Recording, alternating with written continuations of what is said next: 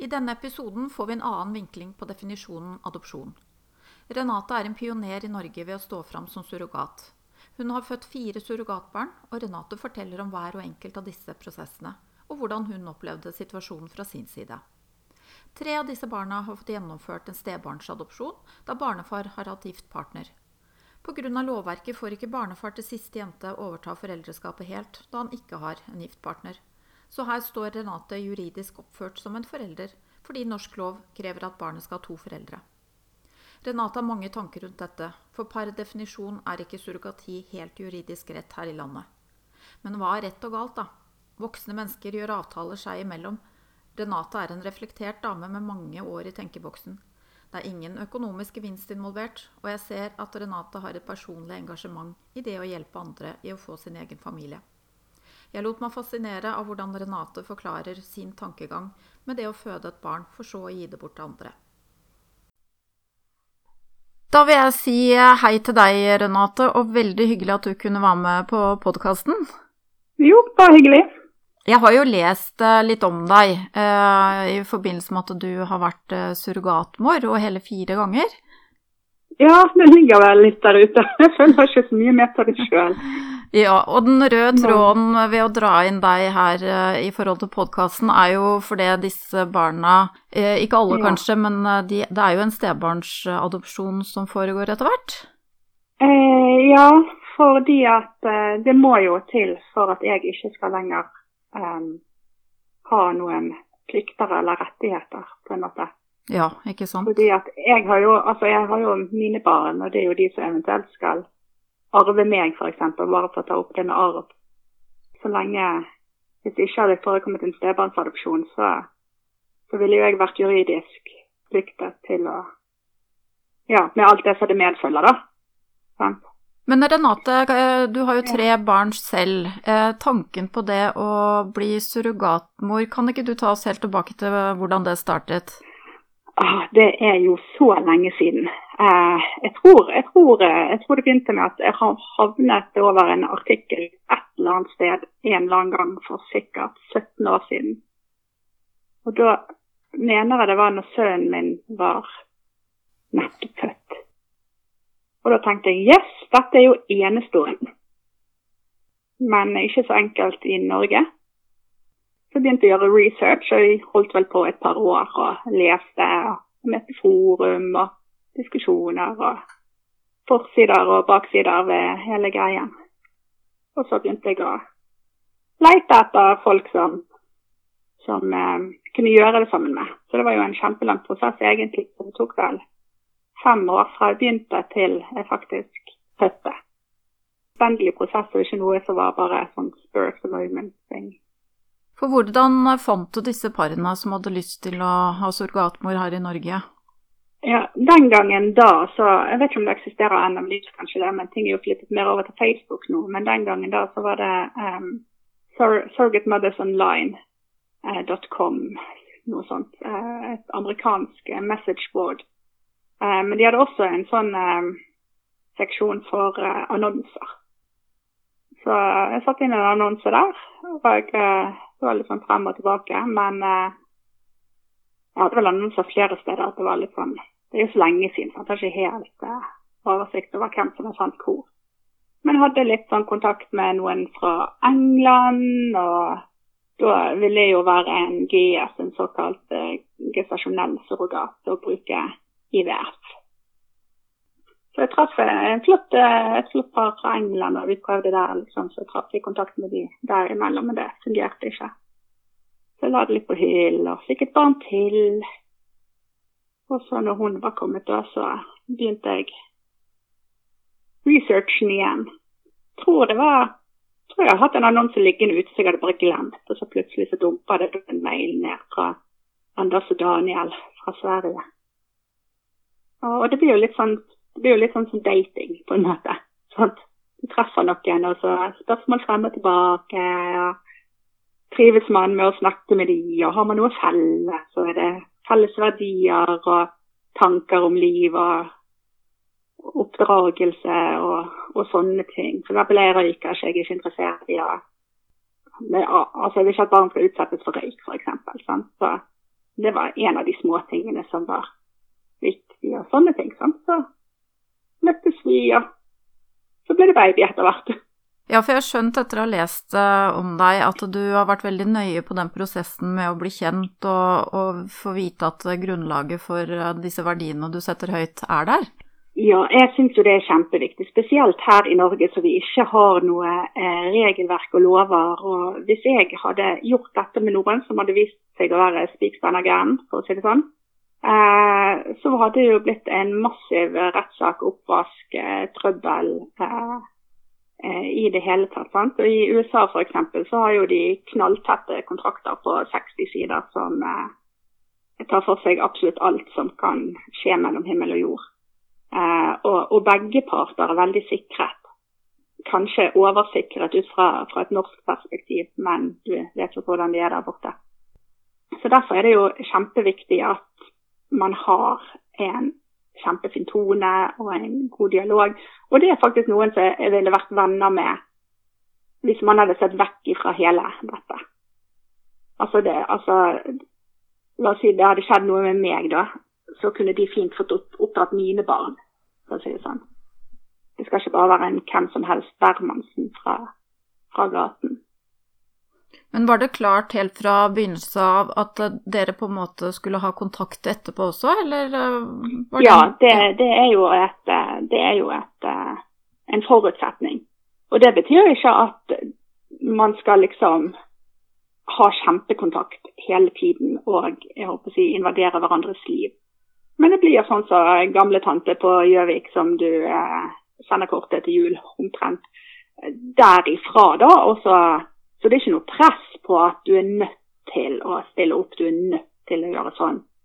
Men at det skal være en viss form for eh, kontakt, at man skal holde kontakt. Og at hvis barna etter hvert får behov for kontakt og får spørsmål svart og Jeg kan jo regne med at enkelte, eh, på lik linje med adopsjonsbarn, kan ha, ha de store spørsmålene seinere i livet med Hvorfor ga du meg vekk? At, altså, skulle de sitte med en sånn følelse, eh, noe de ikke gjør per dags dato, men skulle de sitte med en sånn følelse senere, så, så, kan det være tilgjengelig med å prate med og besøke. og ja, Hvis behovet er der. Altså, alt handler jo egentlig om barna. ikke sant? Altså At de ikke skal føle seg som noe kasteball og ja, på noen som helst måte. At de skal få sine spørsmål besvart.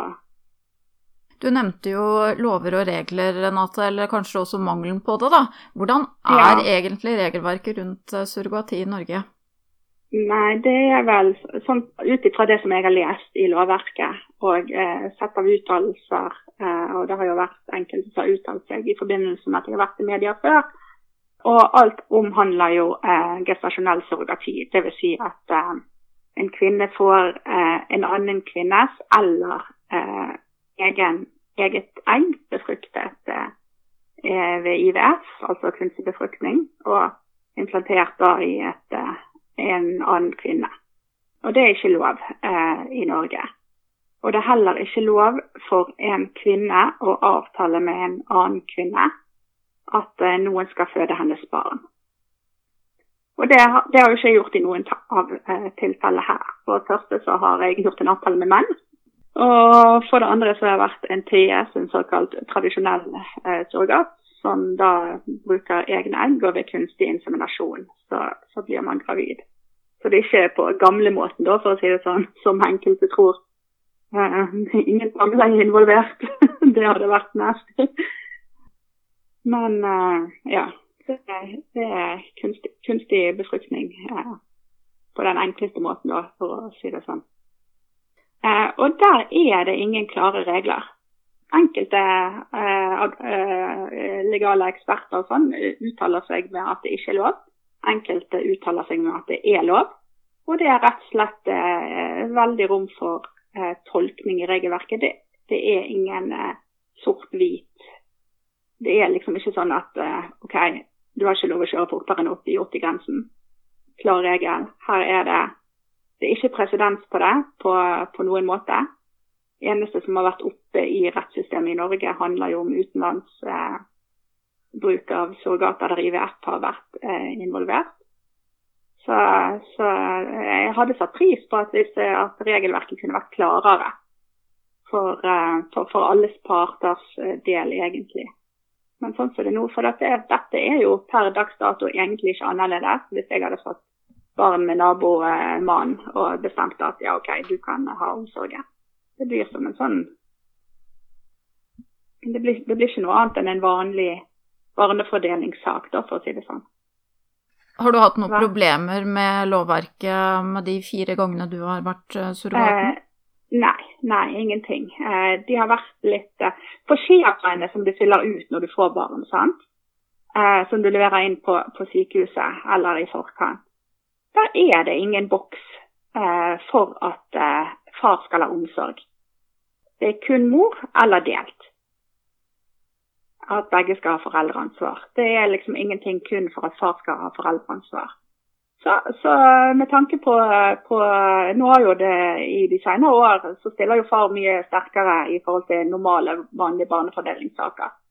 Men jeg føler det at eh, når far engang ikke skal ha muligheten til å være eneforsørger fra fødsel av, fordi vi fremdeles eh, har kvinnen som den som har sterkest rettigheter i forhold til barn, så mener jeg samfunnet henger litt etter der. Og jeg mener altså kvinner skal ha sterke retter i, rettigheter i, i, forhold til det å få barn. For det er tross alt vi som bærer frem og føder, og det er kroppen vår som påvirkes. og sånn med tanke på hele permisjonsgreier og alt sånt der. Men det er jo en annen debatt. Men det at, eh, at far ikke skal eh, være anerkjent som mulighet til at far skal ha kunne være omsorgsperson fra fødsel av den, den er litt ugrei, eh, syns jeg. Så vi har hatt sånn der Av og til har vært litt sånn der måtte innsende papirer igjen og måtte ha blitt oppringt om du, Er dette riktig? Er det sånn dere skal gjøre det? Og at det blir sånn mistro i forhold til om dette er frivillig, f.eks. Altså, folk ikke tror, altså de som sitter i systemet og ikke vet hva dette egentlig handler om, men bare skal signere av på papirer, da, som de ikke tror at de kan frivillig gjøre dette. At de må dobbeltsjekke er dette riktig, har dere skrevet riktig. Så, så det er litt sånn ugreit.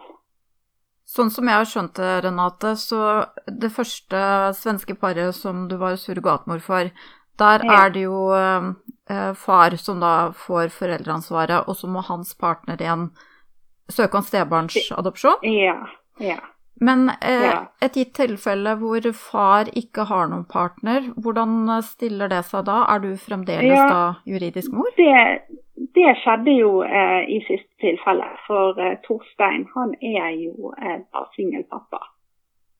Og han har vel skrevet eh, noe sånn eh, eh, viljeserklæring om hvor barnet skal være i tilfelle hans frafall, da, for å si det sånn.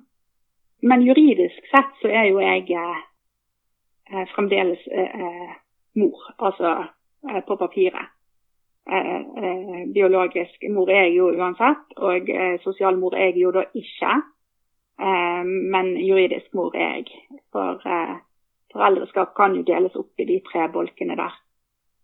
Og det er jo litt sånn i Men nå er jo han fit for fight fremdeles, som jeg har sagt til Torstein Prøv å finne deg en mann. Du, kom igjen, date nå litt, og så gift deg med noe.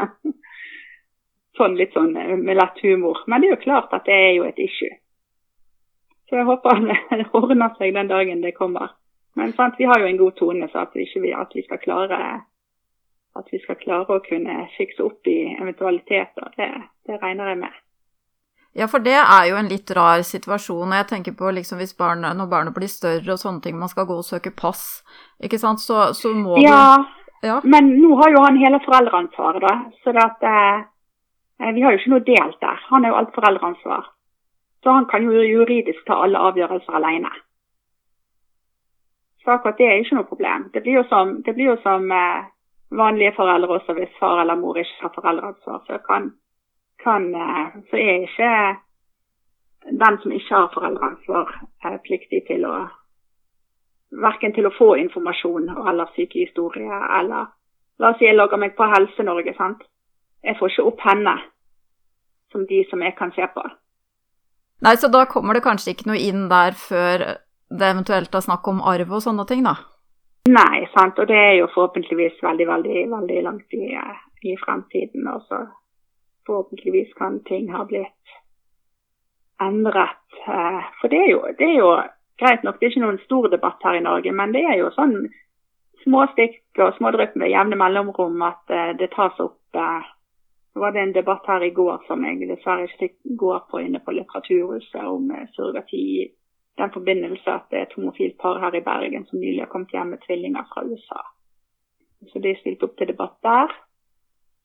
Så det er liksom småting hele tiden, men det virker som om uh, politikerne, som jo i bunn og grunn er de som er nødt til å ta tak i dette her, stikker hodet litt i sanden og ikke er villig til å, å, gjøre noe med det. Jeg husker veldig godt eh, Det er jo mange år siden nå. Eh, jeg gjorde et eh, intervju i BT hvor de da eh, intervjuet Torstein Dale fra Rødt. Han er jo homofil selv.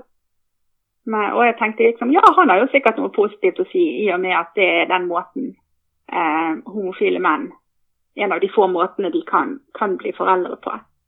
Men nei, der var det ingen uh, ting å hente. og han, uh, Nei, vi må fokusere på de generelle homofiles rettigheter og bedre eh, situasjonen i, i, for, for, de generelt, før vi kan tenke på sånne goder som dette.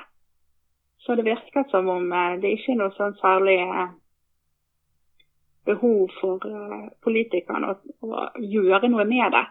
Og så er det jo fremdeles slik at eh, når folk hører surrogati, så tenker de på fattige, utnyttede kvinner i India.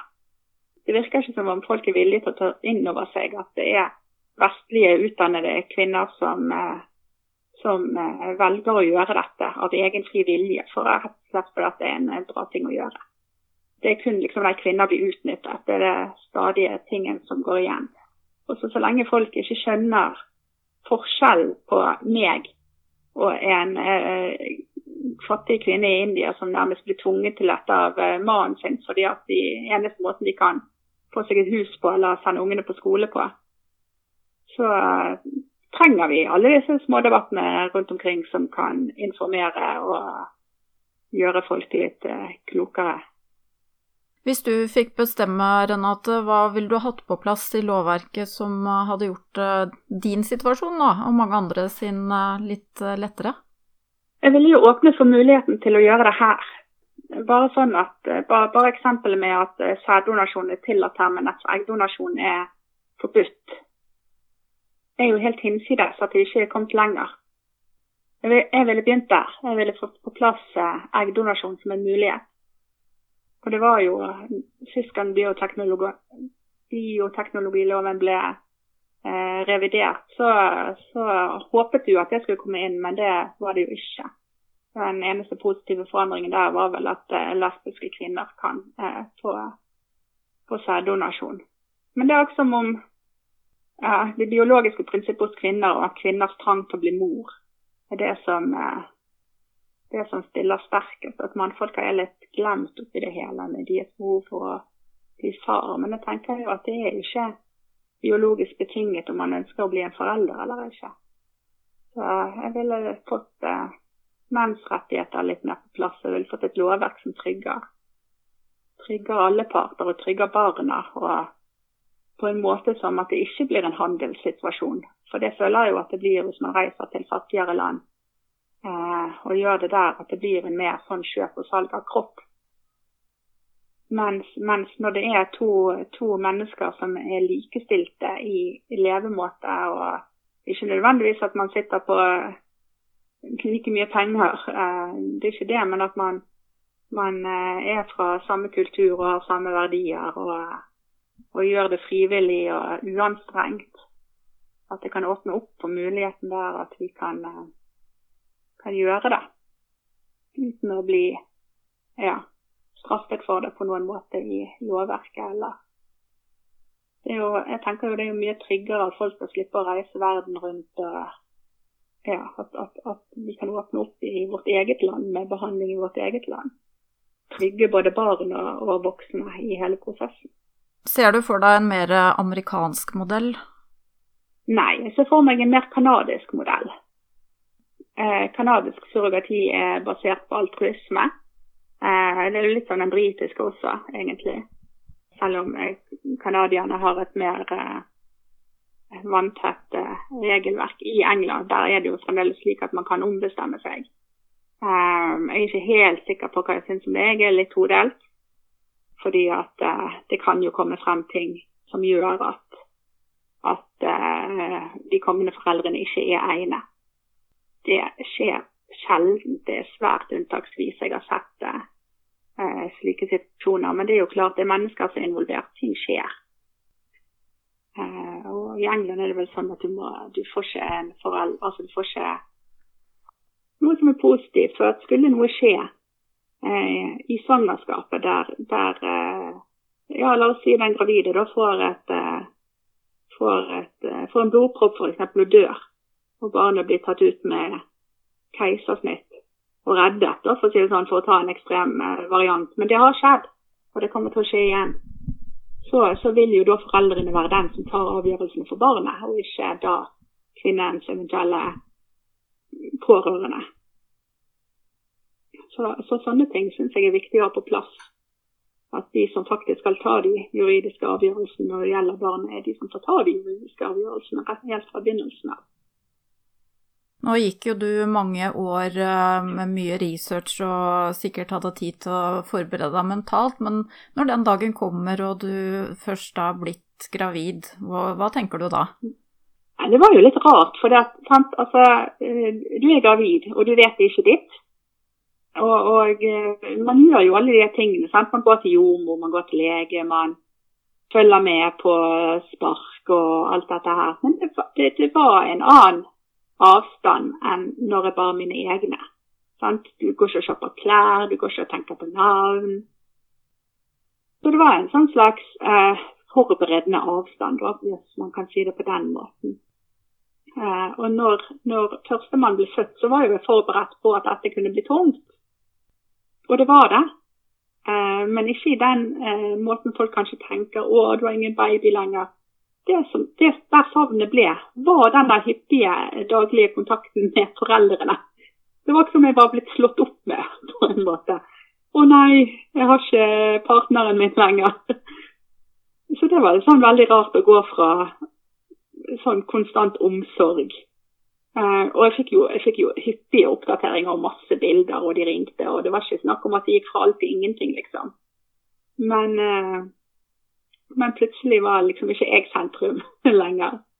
Så da måtte man snu seg litt. Sant? Men ellers så var ikke det noe problem for min del, eh, sånn i forhold til eh, å gi tilbake barnet. Nei, for det også blir vel kanskje litt annerledes enn de som har surrogat eh, i andre land, at uh, den derre hyppige kontakten som du sier, sånn, at det, det ble ganske intenst?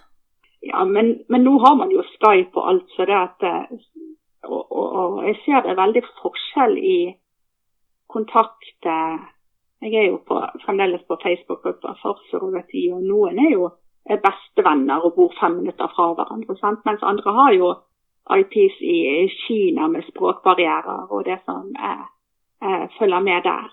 Så det er jo, det er jo mange ting som, som eh, gjør at man får eh, dårligere eller bedre kontakt. Og noen har jo til og med vært surrogat for mennesker de ikke vet hvem er. Og det gjelder da kanskje gjerne spesielt i såkalte VIP-situasjoner der det er en eller annen superkjendis som får barn via surrogat. Hvor det vanlige er at man har en god del kontakt, og, bor man så nærmt at man kan være med hverandre på, på ultralyder og jordmortimer og sånne ting, så gjør man det. Og de fleste ser ut til å, å ha et uh, veldig greit uh, forhold med kontakt i ettertid. Og noen har ikke kontakt i ettertid. Noen vil, ikke ha kontakt i ettertid. Så, så, så, vi mennesker er veldig forskjellige. og alt, ned, alt handler jo om å finne noen som man matcher med.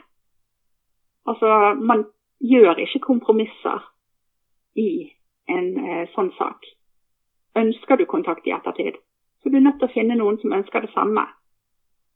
Altså, Er det fint for deg å, å, å få kun julekort med bilde til jul, så finner du noen som ønsker det samme. Altså, Ønsker du å være en del av barnets liv, så er du nødt til å finne noen som ønsker det samme. Og Derfor kan man ikke skynde seg i denne prosessen. Altså, Du gifter deg jo ikke med hvem som helst, på en måte, og da tar ikke du også blir surrogat for hvem som helst heller. Det er nødt til å være Det er en intim, det er en intim situasjon. Og den deler man med noen som, som matcher en, for å si det sånn.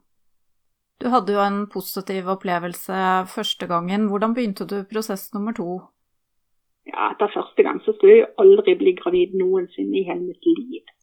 For jeg hadde hatt eh, tre flotte, greie svangerskap eh, før. Og så kom nummer fire med oppkast i månedsvis og bekkenløsning fra helvete. og Skikkelig, skikkelig tungt, tungt svangerskap. Og så gikk det, jeg vet ikke hvor lang tid det gikk. Men uh, så begynte liksom feelingen å melde seg litt igjen. Så går jo ting litt, litt i glemmeboken, ikke sant. Ting, uh, det er jo derfor man får flere barn, for man ikke husker hvordan det var. Og så spør jeg da Anders og Daniel da kanskje For jeg vet at de hadde lyst på flere. Og de hadde begynt å gjøre research på å finne en annen. Og det var liksom sånn Hei, dette, dette er min oppgave. Det er jeg som er nødt til å gjøre det. Dere kan ikke få fra med noen andre. Så spurte de, da. De bare yes! Så da hoppet vi det igjen. Og da gikk det supersmooth og skikkelig flott eh, svangerskap uten issues. Hvor gamle er disse barna blitt? Ja, hvor gamle er de? Eh, tolv eh, og ti, noe sånt. Det blir jo litt sånn altså Det er jo ikke mine barn, på en måte. De er vel tolv-ish og ti-ish, cirka. Men for dem så er du den herre tanta som du snakket om, som uh, sender julekort og Ja, jeg, jeg, er Renate, liksom. Det er ikke verken mer eller mindre. Og det er bilder av meg og kidsa på, på rommene deres, så de vet hvem jeg er. Og de har hørt historien hele veien, og vi har vært på besøk. Og, uh, og når vi har vært på besøk, så har det ikke vært noe issue. Så har vi bare vært uh, venner og gjort venneting. og gått på museum og gjort disse tingene som man gjør sammen. I hvilket som helst venneforhold med noen som kommer på besøk i Donovan. Når du var ferdig med svangerskap nummer to, var det annerledes eh, å gi fra seg det barnet? Eh, eh, det var egentlig ganske likt med tanke på, på barna. Nå har vi alltid hatt det sånn at de alltid blitt en ukes tid i etterkant. Så, så, vi har tatt liksom del i den første tiden. Eh, og jeg har ammet, og mine barn har byttet bleier og gitt flaske. Og, og, disse tingene. Så vi har hatt en veldig sånn myk overgang, egentlig. Og gjort det, gjort det så godt vi kunne for alle parter. Så det, var, det var ikke noe sånn vanskelig. Det har ikke vært vanskelig noen ganger, akkurat den biten. Det, det, har vært riktig, og det har vært sånn det skulle være. Og det er faktisk veldig deilig å slippe nattevåk og grinende babyer. For det, det er liksom ferdig med. Jeg, holde, jeg, holder ikke en nyfødt baby nå, og så rasler det i eggstokken. Liksom. Det har ikke de gjort siden jeg var ferdig med mine egne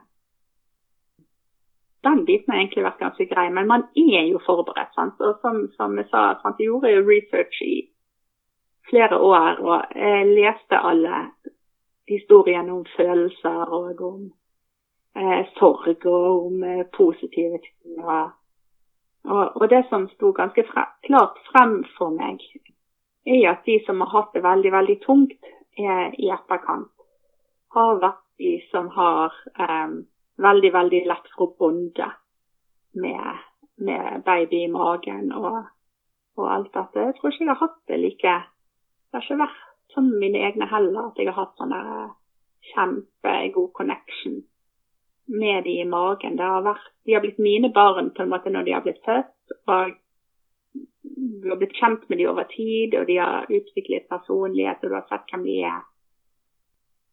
Så, så, jeg vet ikke om det er lettere når man har den type innstilling. Det har gjort eh, prosessen mye enklere. Man har jo disse tredagershormonene og griner litt og alt sammen. Det gjør man jo med sine egne barn òg.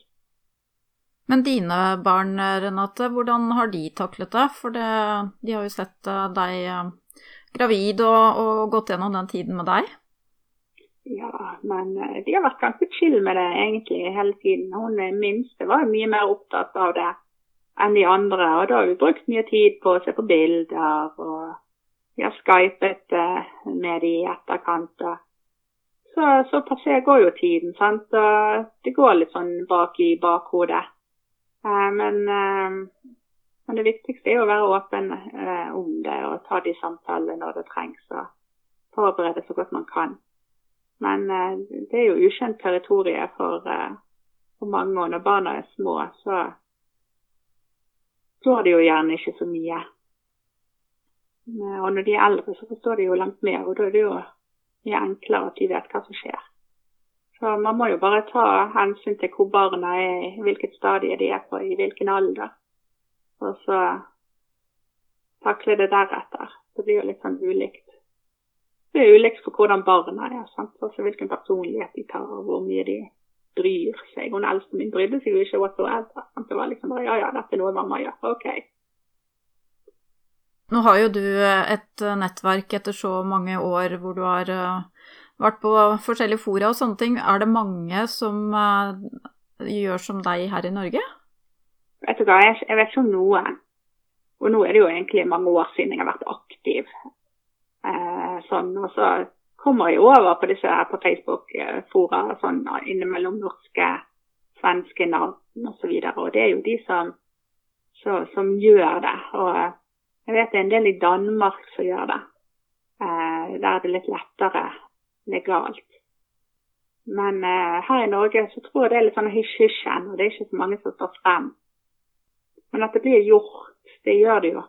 Jeg lurer på om det var i en sånn Dagbladet-artikkel jeg var med i at de også intervjuet en annen person som hadde lyst til dette. Fullstendig Hun fremsto som veldig ustabil og uskikket i, i, i, i artikkelen, iallfall. Så jeg håper jo det hun aldri, aldri fikk det gjennom. Men det er jo iallfall mennesker som gjør det.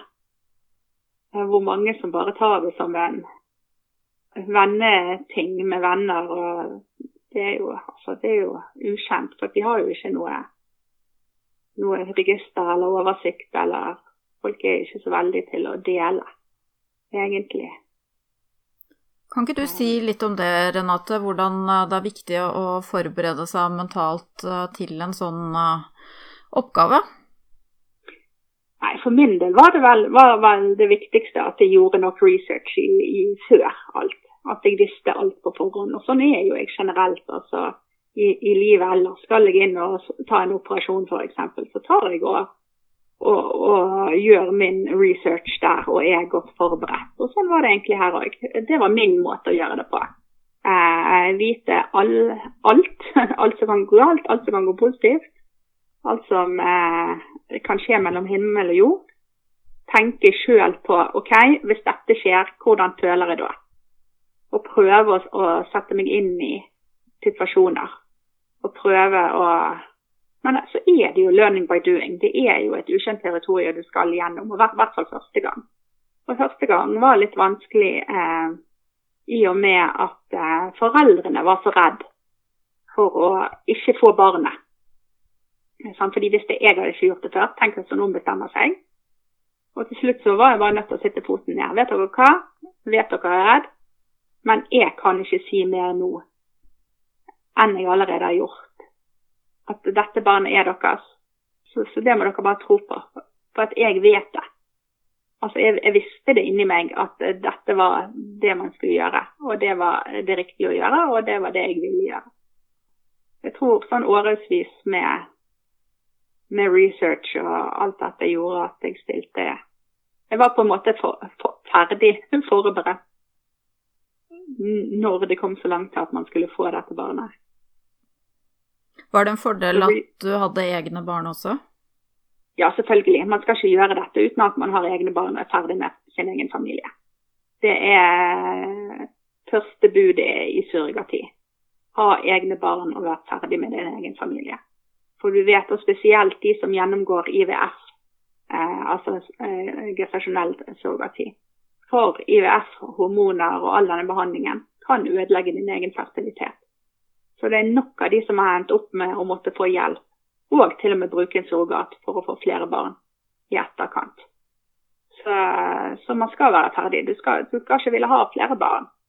Det er første bud.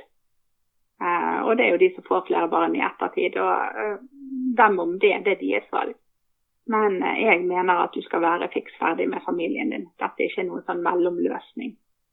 Dette er ikke noe du gjør i mellomtiden mens du venter på å bli klar til å få nestemann sjøl. Så den vissheten også om at man er ferdig og ikke vil at barn, det bidrar jo også til å gjøre deg klar Eh, kom tilbake til når, når du kom på nummer tre her, Renate. Var det annerledes? Nå hadde du hatt to barn til eh, samme par? Ja. Nei, det var ikke det. De var skikkelig fine gutter og kjempechill. Og, uh, ja, vi hadde mye morsomt sammen. og De var kjempeflotte. Så, og de var jo fra Stockholm, de òg. Så, så jeg tror faktisk Anders og Daniel sleit mer med at jeg fikk barn for noen andre enn de. De hadde større problemer med å akseptere at barna deres basically har et halvsøsken i Stockholm. Så det tok flere år før de eh, eh, hadde kontakt med den familien. Og, eh, og ville vil, kunne omgås de. For de har jo eh, surrogatiforening i Stockholm også som har arrangerer møter og alle sånne ting. Så de møtte jo på de, sant? men det var bare helt avstand. Så det var litt artig at uh, de hadde liksom sjalusi seg imellom, mens jeg var helt chill med det. Ble det barn nummer fire med det paret også, eller? Nei, barn nummer fire eh, er med en her. Og da var jeg jo egentlig ferdig òg. Jeg har vært ferdig flere ganger. Uh, og så kom jeg i snakk med Torstein, og han er jo her fra Norge. Rett nede. Det er jo bare et par timer unna meg, nede på Tysnes her. Og jeg kom jo egentlig bare i snakk med han fordi at uh, han lurte på ulike ting. Så så hadde jeg snakket med sammen og tegnet og forklart og hadde gode samtaler. Og jeg viste han liksom hvilken retning han skulle gå i og alt sånn her. Og så hadde vi bare så god tone, og så sier jeg ja, jeg skal ikke gjøre det da. Og så, sånn ble det. Så vi prøvde faktisk på nummer to, men det, da, ble jeg, da, da, da ble jeg gravid et par ganger, men mistet veldig tidlig hver gang. Så da tok jeg det som et tegn på at nå skal jeg bare legge inn årene og ikke få flere. Hva er tankene dine, Renate, bak å gjøre dette? Er det mer eh, som en slags tjeneste, eller hvordan ser du det? Jeg, jeg liker jo veldig godt svangerskap og fødsler. Um, jeg syns det er kjempegøy. Jeg syns føding er gøy. Jeg syns uh, det er en spennende prosess. Så det, det er todelt. Du får uh, skapt en familie som bare er jo magisk i seg sjøl. Hvor mange kan si at de har gjort det? Sant? Og så får jeg noe igjen for min egen del for å gå gjennom denne prosessen, som jeg syns er noe av livets største. Men det, det øyeblikket der de får babyen sin i hendene, og du vet at ja, OK, de kunne jo gjort det uten meg, de kunne gjort det med noen andre, men dette har jeg gjort. Den er ganske stor. Så jeg vil si at det er det er Nei, ikke en tjeneste. Det blir jeg vet, vet ikke helt hvordan man skal kalle det. Er det riktig å si at du har likt eh, alle deler ved den prosessen? Eh, ja, egentlig. Eh, bortsett fra første svangerskap, som da var jo skid. Så, så jeg syns det er utviklende, og det er, jeg har lært om meg sjøl som menneske. Og så må du jo lære hvordan du håndterer andre sine følelser. sant? Og jeg, jeg har jo min måte å gjøre ting på. Jeg har jo vært gravid før. Dette kan jeg jo. sant? Jeg vil jo gjøre det sånn og sånn. Eh, men her må man faktisk ta et steg tilbake og dele og respektere andres meninger og andres synspunkter.